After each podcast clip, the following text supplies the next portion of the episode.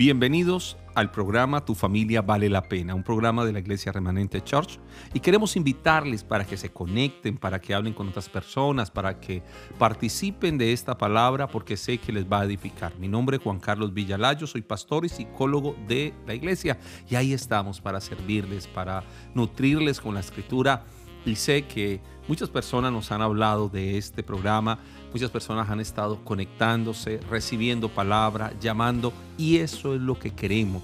Queremos que personas nos estén preguntando, aún en esas situaciones que están viviendo, poderles dar una palabra de parte de Dios, un aliciente, un ánimo pronto. Así que ánimo que Dios está con ustedes.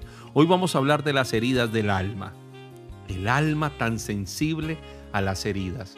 Esas heridas se vuelven marcas esas marcas se vuelven patrones.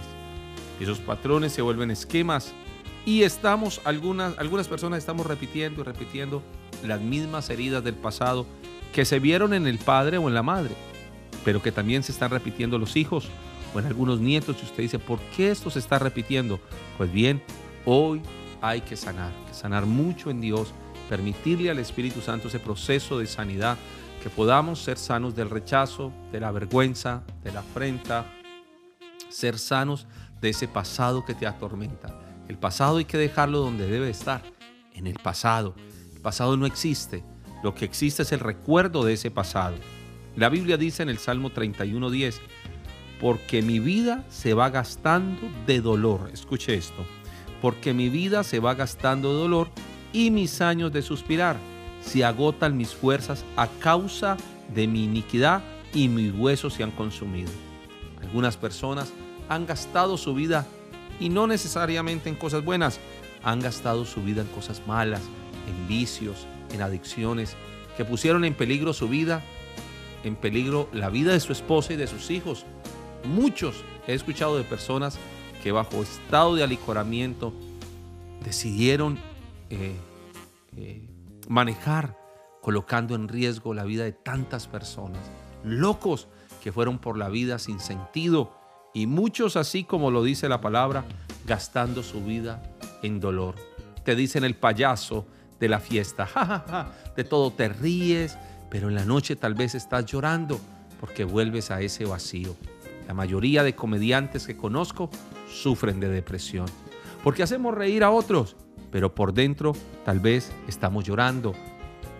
Algunos han estado arrastrando experiencias dolorosas del pasado que están alterando su bienestar emocional y físico. Muchas personas que han sufrido en, su pasado intentan tapar estas heridas centrándose en el presente o mucho peor, en el futuro, pero sin resolver ese pasado. Hay que hablar de ese pasado, no le dé vergüenza hablar de ese pasado. Creo que cuando podemos hablar es un principio para estar sanos, para resignificar. ¿Qué es resignificar? En los procesos psicológicos de una persona, la persona aprende a, resignificar, ya sea porque ah, hace algo más compensatorio, ya sea por agradecimiento, ya sea por resiliencia o resistencia, pero resignifica. Compensatorio porque dice, bueno, Tal vez ah, perdí una pierna, pero no perdí todo mi cuerpo.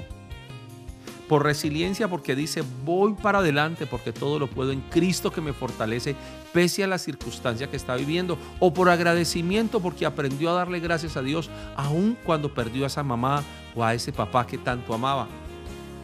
Cualquiera sea la situación, muchas personas ah, tienen tapadas sus heridas.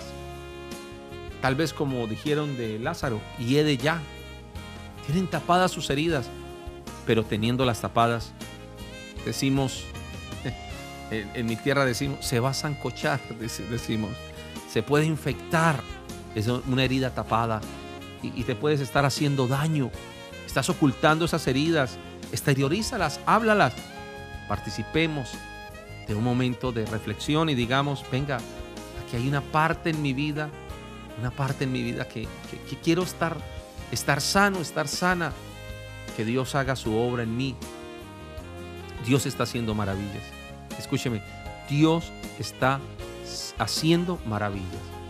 Dios está dispuesto a sanarte porque Él fue a la cruz para llevar todo dolor.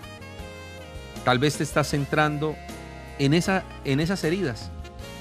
Tal vez ah, mantuviste esto guardado mucho tiempo, haciéndote daño con la herida que llevas.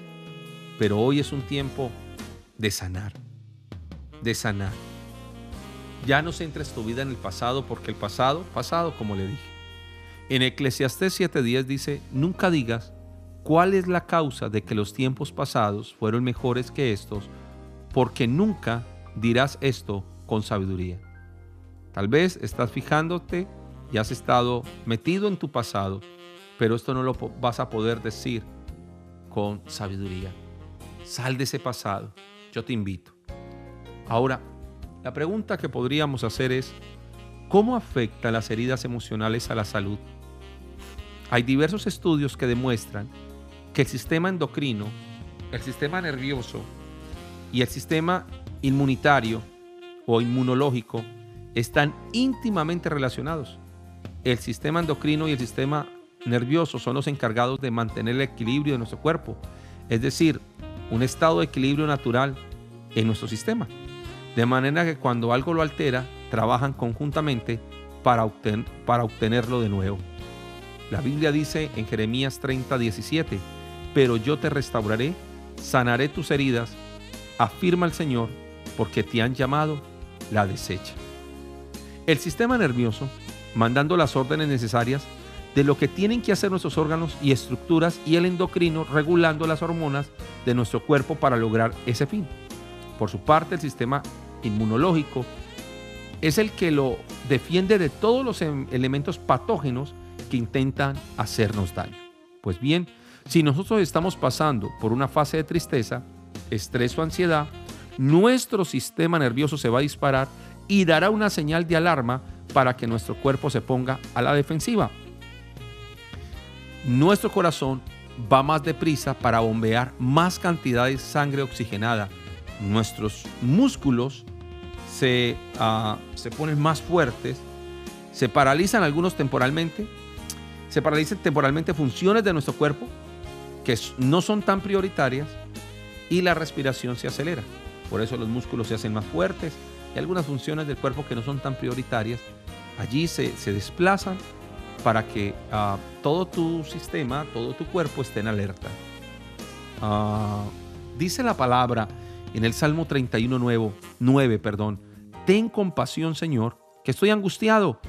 El dolor está acabando con mis ojos, con mi alma y con mi cuerpo. Wow. El dolor está acabando con mis ojos, con mi alma y con mi cuerpo. Salmo 31, 9. No hay mucho que explicar de ese texto. Usted tiene claro esto cómo está, toda esta presión, especialmente la presión sanguínea. Algunas personas que no cuidan tema de presión arterial y cómo afecta esto sus ojos. Qué bueno que usted pueda ah, revisar su cuerpo, tal vez su cuerpo o su colon les está llorando hace rato y usted no se ha dado cuenta. Hay algunas alteraciones físicas, alteraciones de sueño, es una de esas. Cuando pasamos por una fase de ansiedad, nos cuesta horrores dormir correctamente. Tenemos problemas para conciliar el sueño mantenerlo o incluso podemos despertar muy temprano y ser incapaces de volver a, a cerrar nuestros ojos. Al día siguiente seguramente estaremos cansados, de mal humor, con problemas para concentrarnos. Un par de días sin dormir puede aguantarse, pero cuando se alarga la situación los efectos se irán acumulando en nuestro cuerpo. Salmo 3.5 dice, yo me acuesto, me duermo y me vuelvo a despertar porque el Señor me sostiene es el versículo lema de una amiga, de una hermana. Algunas esposas, más bien para decirlo así, dicen yo me acuesto, me duermo y vuelvo a despertar porque el Señor me sostiene. Otra cosa que eh, viene a la vida de la persona eh, en las alteraciones emocionales por un alma enferma es la inseguridad, el mal humor y la baja autoestima. Las personas con grandes heridas emocionales seguramente tendrán una imagen muy negativa de sí mismos, aunque no sepan exactamente el motivo ni puedan relacionarlo con aquello que les ha pasado. Pero si somos un poco observadores podemos ver comportamientos que así lo indican. Mal humor, irritabilidad, actitud a la defensiva, pierden oportunidades de iniciar relaciones sentimentales, de amistad, de pareja, porque crean una barrera invisible de rechazo alrededor suyo. Para algunos este es el versículo lema, Salmo 22.6, pero yo soy gusano y no hombre, la gente se burla de mí, el pueblo me desprecia. Hay personas que así se, se sienten, que están en medio de una reunión y se sienten como un gusano, un gusanito allí, ¿verdad? Dice, la, la gente se burla de mí, el pueblo me desprecia. Otra cosa que aparece también es la falta de energía y dolores musculares. La persona siente como si tuviese a alguien colgando en la espalda continuamente y que le roba las energías. Es más, hacer cualquier cosa le requiere un esfuerzo abrumador. El Salmo 39.2 habla de esto. Dice, así que guardé silencio, me mantuve callado, ni aún lo bueno salía de mi boca, pero mi angustia iba en aumento. Así están muchas personas. Queremos ayudarlos. Queremos, estamos aquí para ello. La mayor probabilidad de sufrir una adicción se da con un alma enferma. La persona a menudo siente que no puede controlar su vida. Por ejemplo, le cuesta mucho tener iniciativa, a implicarse en un proyecto, arriesgarse. Eso puede conllevar a que muchas opten por el consumo de drogas o otras adicciones que no, no, tienen que ver con algo químico. Hay adicciones a personas. Eh, esa es una manera de escapar de la realidad, eh, de relajarse tal vez dicen ellos y de no pensar. Asimismo también se relacionó las heridas del alma con el sobrepeso. El motivo es que muchas de estas personas ante los sentimientos de ansiedad satisfacían su ansiedad con la comida. Dice la Biblia en, Isaías 52.2, sacúdete el polvo, Jerusalén, levántate, vuelve al trono, libérate de las cadenas de tu cuello, cautiva hija de Sión. Y no solamente esto, ya para terminar una parte importante también en la vida de las personas que tiene que ver con los problemas sexuales.